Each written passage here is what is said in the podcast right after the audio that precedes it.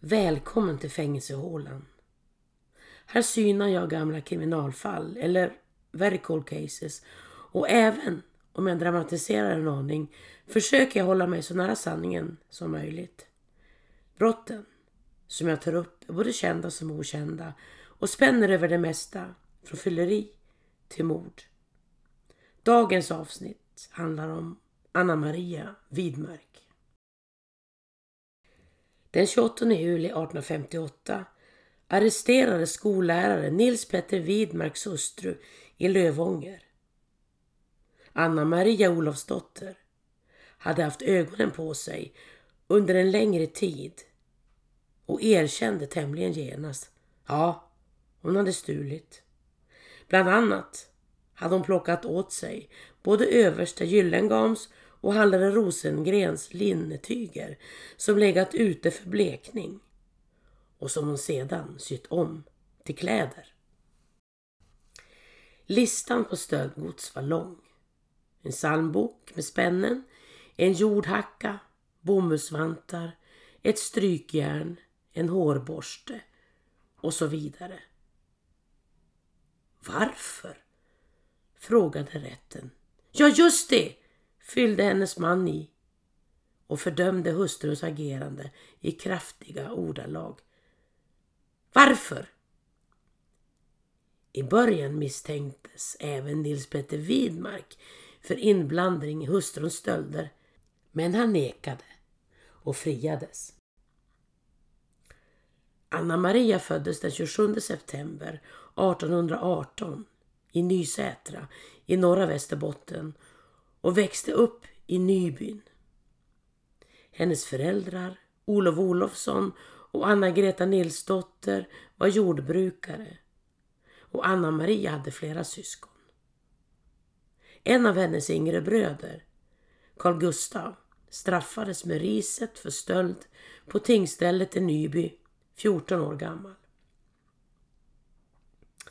Anna-Maria arbetade som piga på flera olika platser. I Klintsjön, i Ånäset och i Umeå innan hon gifte sig den 29 december 1849 med Nils Petter Widmark från Lövånger som var fem år äldre än hon. Lövånger, strax söder om Skellefteå, var en fattig trakt. Jordmånen var mager och skördarna blev oftast små. Anna Maria och Nils Petter var olika på flera sätt. Han var lång till växten, drygt 180 centimeter, medan hon var ovanligt kort, 145 centimeter, med mörkt hår och blå ögon.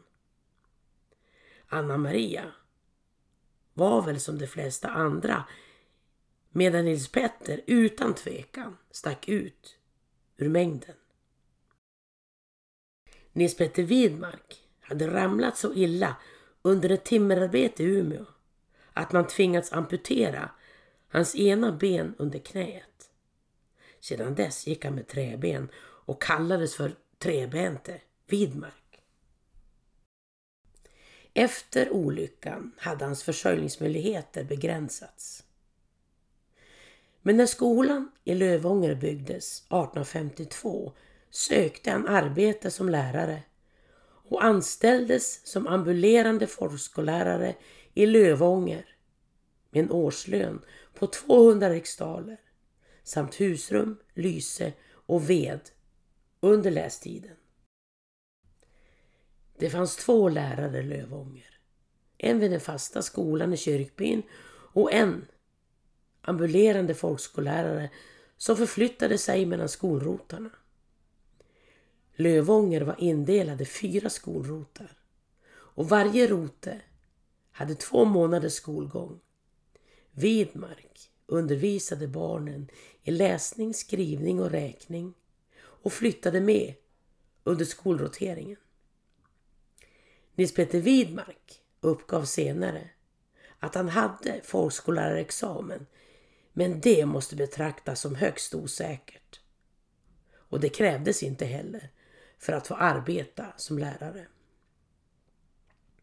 Anna Maria födde tre barn på fyra år. Sönerna Nils-Olof och Karl-Oskar och dottern Ulrika Kristina. Äldste sonen Nils-Olof var dövstum. Anna Maria Widmark kunde egentligen inte förklara stölderna. Hon var 40 år och led inte brist på någonting och behövde ingenting av det hon tagit. En månad efter gripandet, den 16 augusti, dömdes Anna Maria Widmark till 76 riksdaler i böter, 19 dagars fängelse på vatten och bröd samt sex månaders straffarbete och skickades omedelbart söderut mot länsfängelset i Umeå. Fängelset i Umeå var en gammal sliten byggnad på två våningar byggt av trä och sten som låg väster om staden, inte långt från lasarettet och var omgiven av ett högt brädplank. Vaktstyrkan bestod av tre karar. Simon Petter Ledström, 39 år, Per-Erik Sundström, 38 år och Olof Edvard Brännlund, 26 år. Fängelset saknade kvinnlig personal. Anna Maria låstes in i en liten skrubb på fängelsets vind för att genomgå vatten och brödstraffet. 19 dygn. Lagets strängaste straff var 28 dagars fängelse på vatten och bröd och direkt livshotande. Vinden stod tom just då med undantag för en 18-årig grabb, Alexander Sjöqvist, som fängslats för lösdriveri. En eftermiddag, någon vecka in i svältstraffet, tittade Anna Maria ut genom vindskyffets fönster och upptäckte vakterna Ledström och Sundström nere på gatan. Det var på väg från fängelset, in mot staden. Klockan var mellan tre och fyra på eftermiddagen och inte långt efteråt rasslade i hänglåset och den tredje vaktknekten, Brännlund, steg in genom dörren. Vaktknekt Brännlund han knappt över tröskeln innan han började locka och pocka. Eller övertala Anna-Maria med lockelser och tvång att snälla, snälla, låt mig få krypa till. Anna-Maria nekade honom. Men Brännlund fortsatte att locka och efter en stund blev han aggressiv. Han påminde henne om vem hon var, var hon befann sig och varför. Och hotade henne med att hon inte skulle komma levande ur fängelset om hon inte gjorde som han sa. Det blev bråk och knuffar och efter en stund gav Anna-Maria efter och lät Brännlund göra som han ville med henne. Det hände bara en gång, men det räckte. Anna-Maria blev gravid. Långt senare berättade fången Britta Kristina, som delat rum med Anna-Maria Widmark under straffarbetet, när hon fått flytta ner från vinden till de andra fångarna, att fru Widmark anförtrott henne att hon väntade barn med sin make men att hennes man inte visste någonting ännu. Hon ville inte skriva till honom heller eftersom vaktknekt Sundström läste alla brev. Britta Kristina var för övrigt dömd för hor och tilläts inte vittna under ed. Den 10 mars 1859 var strafftiden slut och Anna Maria Widmark var fri att återvända hem till Lövånger igen. När Nils Petter Widmark fick syn på henne blev han först förvånad, men sedan brusade han upp. Anna-Maria var gravid i åttonde månaden och Nils Petter Widmark hade inte besökt sin hustru i fängelset en enda gång under hela strafftiden och kunde genast räkna ut att han omöjligt kunde vara far till barnet som hon väntade. Nils Petter Widmark var känd för att vara en envis person. Vid ett tillfälle ska han ha rest de 80 milen söderut till Stockholm för att protestera inför kungen mot att kyrkoherden i Lövånger var lat som inte tog med barnen under husförhören utan överlämnade det till skolläraren som i sin tur skulle rapportera om barnens färdigheter till kyrkoherden. Nils Petter Widmark, folkskolläraren, var gudsförnekare, poängterade han flera gånger. Om det nu är sant. Stockholmsresan alltså. Att han var gudsförnekare är tydligt dokumenterat. Anna Maria Widmark var höggravid. Och Nils Petter blev utom sig av vrede. Han skulle stämma fängelset som inte vaktat hans hustru bättre. Det var vakternas fel att hustrun begått misstaget och vakterna måste betala för hustruns snedsteg. Och skilsmässa från hustrun skulle han givetvis kräva. Den 9 juni födde Anna Maria en son som fick namnet Per Gustav. De andra barnen var då 9, 7 och 6 år gamla och äldste sonen Nils-Olof var som sagt dövstum. Nils Petter Widmark stod på sig och drev igenom sina hot om stämning och skilsmässa. Den 17 september var Anna Maria tillbaka i Umeå och stod inför rätta anklagad för dubbelt hor. Vaknäkt Brännlund rannsakades också för samma brott. Dubbelt hor. De var båda gifta, men inte med varandra. Barnet, Per Gustav, var tre månader gammal. Många nyfikna trängdes i tingssalen. Det tisslades och tasslades och stirrades på Anna Maria och ungen som hon höll i sin famn. Nils Petter Widmark berättade inför rätten att det rådde ett gott och vänligt förhållande mellan honom och hustrun. Men att han omöjligt kunde förlåta hennes otrohet. Trots att det var allmänt känt att hustrun var honom mycket tillgiven. Både Wacknekt Sundström och Wacknekt Ledström var mycket illa berörda över det som skett. Wacknekt Sundström, som ansvarade för nycklarna, förklarade att han aldrig någonsin lämnade ifrån sig fängelsets nycklar. Varken till vatten och brödrummet eller till fängelsets övriga lokaler. Sundström och Ledström hade gått in till Umeå ärenden och tillfälligt överlämnat ansvaret om fångarna till vaktknekt Brännlund. Nycklarna hade han behållit. Och hur vaktknekt Brännlund tagit sig in till Anna Maria Widmark var oklart. Dörren till vindsrummet där Anna Maria Widmark suttit fängslad under vatten och brödstraffet var försett med två hänglås. Det ena låset fungerade inte och det andra kunde lätt öppnas med till exempel en spik, visade sig efter undersökningar. Varken Wacknekt Sundström eller Wacknekt Ledström hade uppfattat att det hänt någonting underligt mellan Wacknekt Brändlund och fången Widmark. De hade inte heller lagt märke till att Anna Maria Widmark var gravid trots att Wacknekt Sundström följt med henne till läkare. Ord stod mot ord och det fanns bara ett vittne.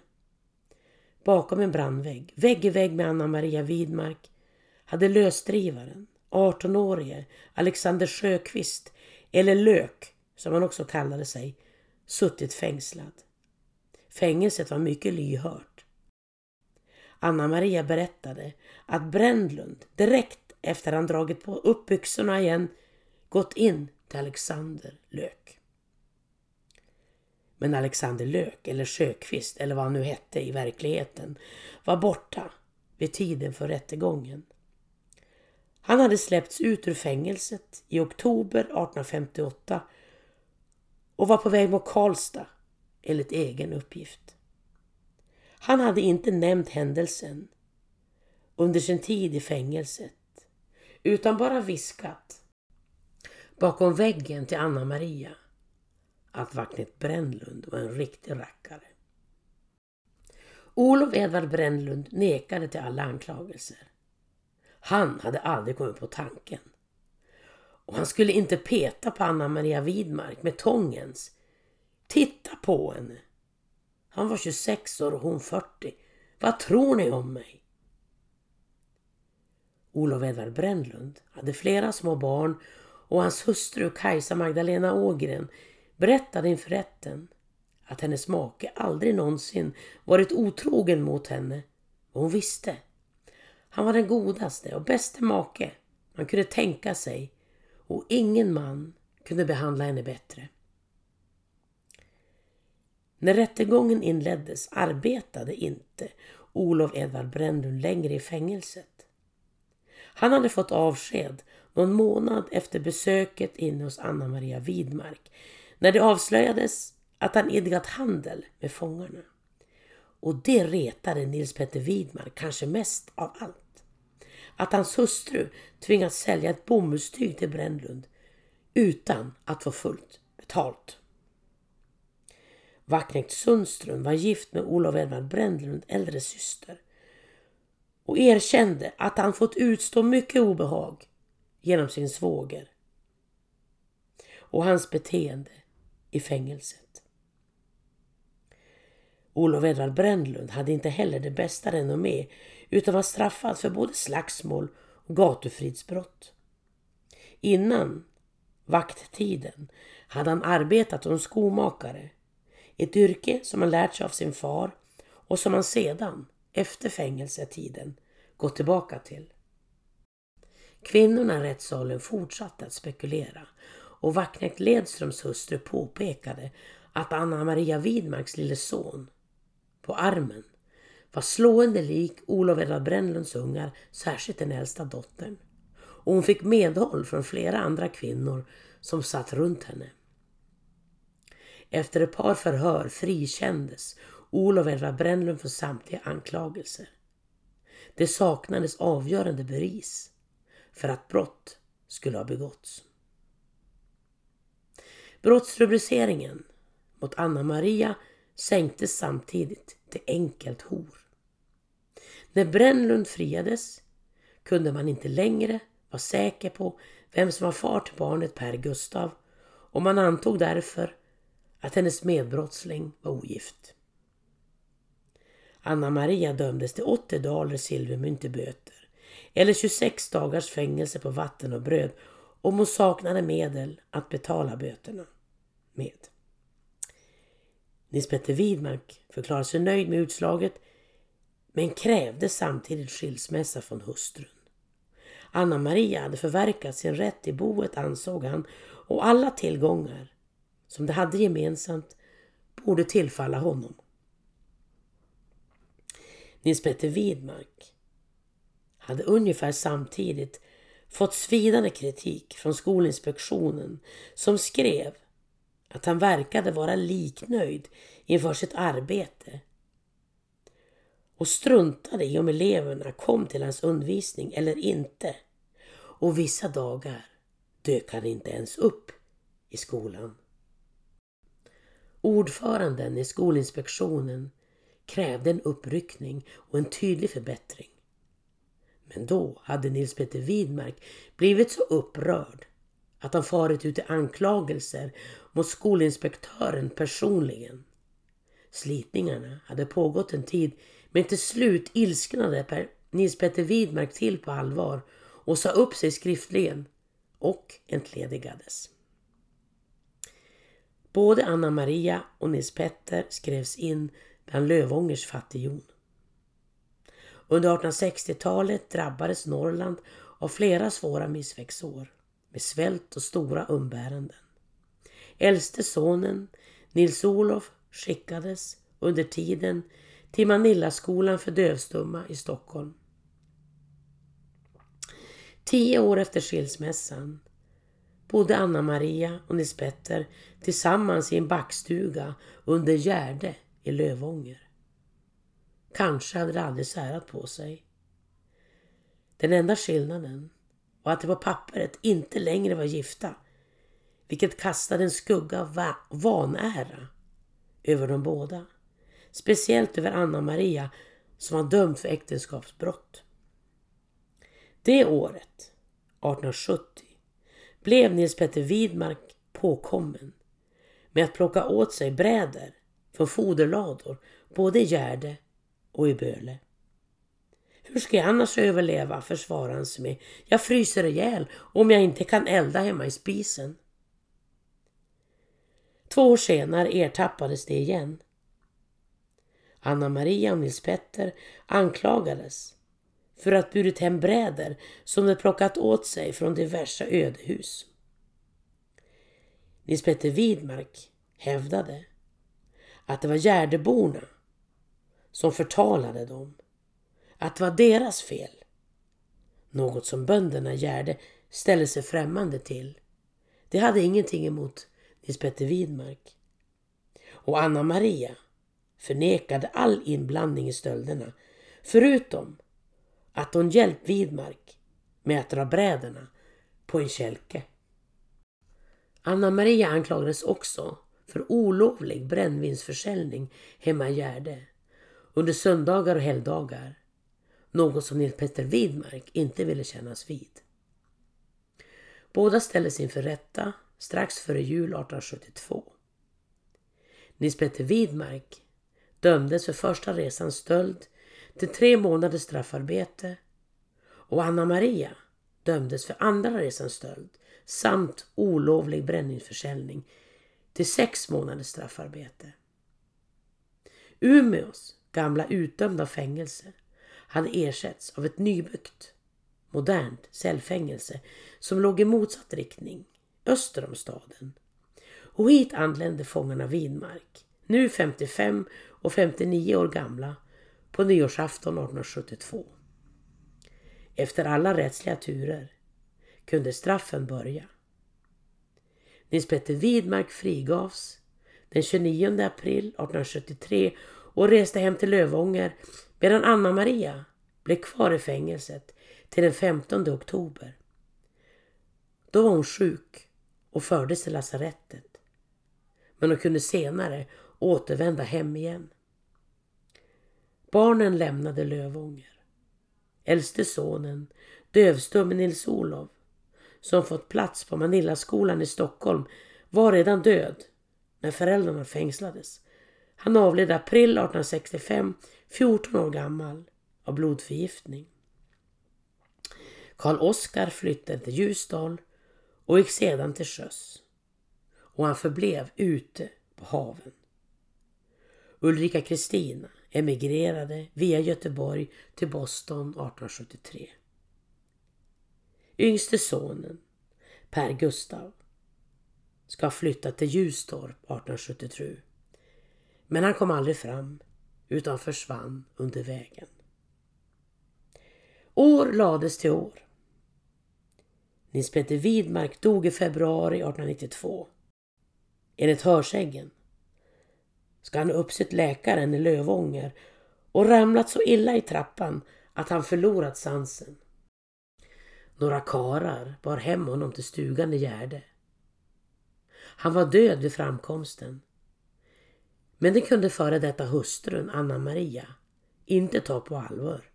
Död, den envise gubben. Utan hon satt med honom framför spisen under flera timmar och försökte få honom varm igen.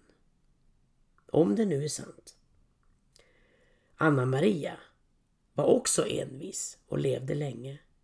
Hon dog i Gärde den 1 april 1909, drygt 90 år gammal.